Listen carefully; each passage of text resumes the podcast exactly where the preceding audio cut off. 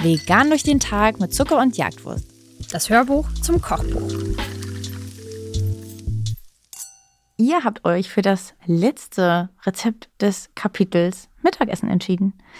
Da habt ihr einiges durchgeblättert, das euch anscheinend nicht überzeugt hat. Jetzt denkt ihr, na gut, das ist jetzt wohl das letzte Sandwich. Das ist Dann ja ganz gemein. Nein, da hat jemand das ganze Kapitel durchgearbeitet und kommt jetzt zum riesengroßen Finale. Julia. Nun gut, so kann man es auch sehen. Es ist ähm, ein Rezept, bei dem wir ganz lange überlegt haben, wie wir es benennen. Oh ja, stimmt. Es war eine lange, ähm, ja, war eine schwere Geburt. Es hatte richtig unschöne Namen. Also zwischendrin war es mal ein Sandwich mit fischigem Kichererbsensalat. Das Aber klingt richtig sperrig. ja, wie ihr jetzt schon merkt, es hat, hat sich irgendwie nicht ganz so gut angefühlt. Wir sind am Ende bei Chickpea Tuna rausgekommen, was fancy klingt.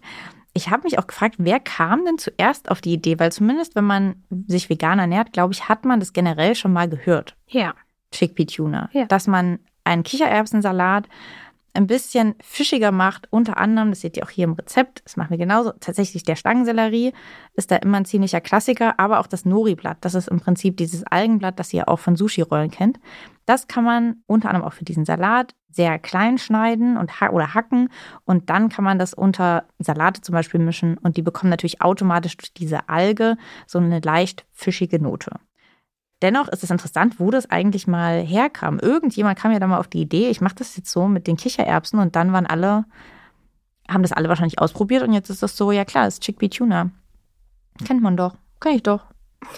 Oder? Also, Wahrscheinlich schon. ich habe beim Testkochen, als ich das gemacht habe, wurde das teilweise allerdings auch mal als, und das habe ich leider nie gegessen, aber so als diese Dillhäppchen in so einer, naja, schon in so einer Mayo-Passe, die man, glaube ich, kaufen kann. Meinst du so Scampi-Salat-mäßig? Das weiß ich So, nicht. ähm, ich habe das leider, ich bin ja gar kein Fan von Fisch, auch nicht von veganen Fischalternativen. Das ist einfach nicht mein Geschmack.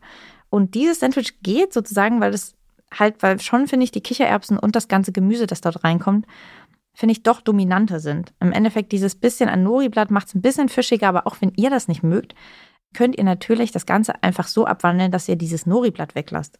Dann habt ihr sozusagen ja trotzdem einen sehr leckeren Kichererbsensalat, den ihr so auch essen könnt oder eben auf Brot packen könnt.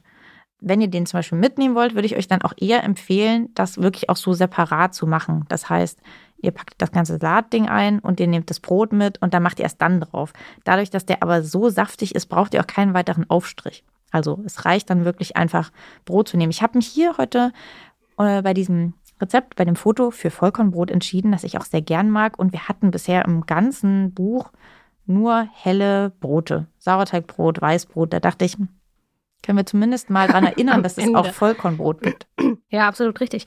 Mich erinnert gerade so ein bisschen die Mischung von dem Chickpea Tuna an die Basis von zum Beispiel unserem Kartoffelsalatdressing. Ich habe so ein bisschen das Gefühl, da könnte man jetzt diese gebackenen Kartoffeln reinhauen und es wäre auch ein gutes Salatdressing für so einen Kartoffelsalat. Ja, klar. Ist ja toll. Kreativ, du solltest einen. Foodblog Und es ist hier schon wieder die Mayo drin, aber ich vermisse ähm, das Mandelmus, was Ach, jetzt in nee. sehr vielen Rezepten drin war. Aber ist gar kein Problem für mich.